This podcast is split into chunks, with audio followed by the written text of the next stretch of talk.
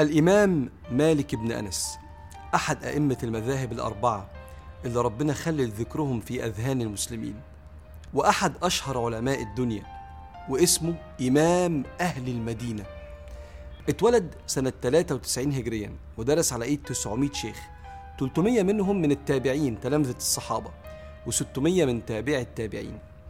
ويكفي إن تلميذ من تلامذته الإمام الشافعي اللي كان بيقول عليه إذا ذكر العلماء فمالك النجم. بدأ الإمام مالك طلب العلم وهو عنده 13 سنة ومن نبوغه في طلب العلم جلس يدرس في مسجد رسول الله وسط العلماء وهو عنده 21 سنة. واجتمع عليه كل طلاب العلم من البلدان وهو لسه شاب.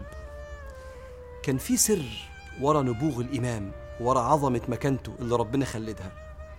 هذا الإمام الكبير الإمام مالك كان عنده عبادة عظيمة. اسمها لا أدري.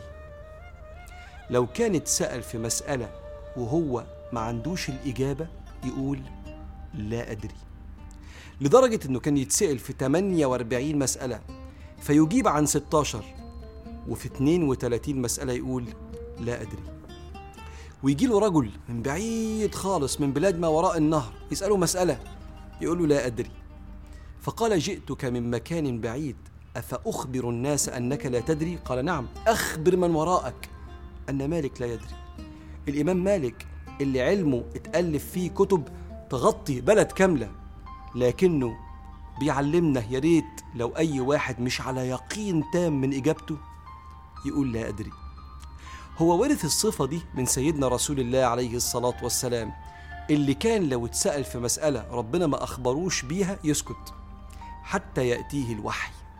وكان يقول عن نفسه هو من هو صلى الله عليه وسلم كان يقول ما المسؤول بأعلم من السائل؟ شايف التواضع واحترام ألا يتكلم في علم الله إلا بإذن الله.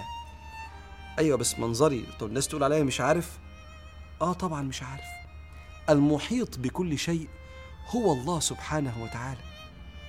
جزء من مشاكلنا وخلافاتنا وأخطائنا بسبب كلام من لا يعلم. والأصعب اللي بيزود المشكلة اتباعنا لكلام من لا يعلم. وزي ما قال الإمام الغزالي حجة الإسلام لو سكت من لا يعلم لقل الخلاف.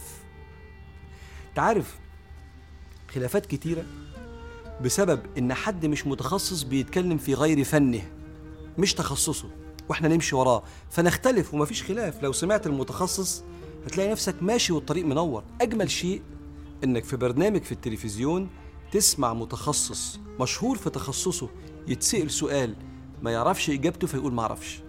ده يطمنك جدا إن وقت ما بيجيب عن مسألة هتلاقيه بيجيب بعلم ويقين وصدق وأمانة. مش بس أي متخصص. تعالى نورث دي من الإمام مالك ومن قبله من رسول الله صلى الله عليه وسلم. كلمة معرفش كلمة مريحة. وتدل إن صاحبها نفسه مطمئنة وواثق في نفسه وعقيدته سليمة. إن منظري وسمعتي قدام الناس مش بإيدي ده بإيد ربنا سبحانه وتعالى هو النافع والضار. بسم الله الرحمن الرحيم. قل لا أملك لنفسي نفعا ولا ضرا إلا ما شاء الله. ما تقلقش. لو قلت معرفش في حاجة ما تعرفهاش أنت بتحترم ألا تتكلم في علم الله إلا بإذن الله. ومقامك في نفوس الناس على الله سبحانه وتعالى. فاللهم افتح علينا في العلم وزين أخلاقنا بالحلم.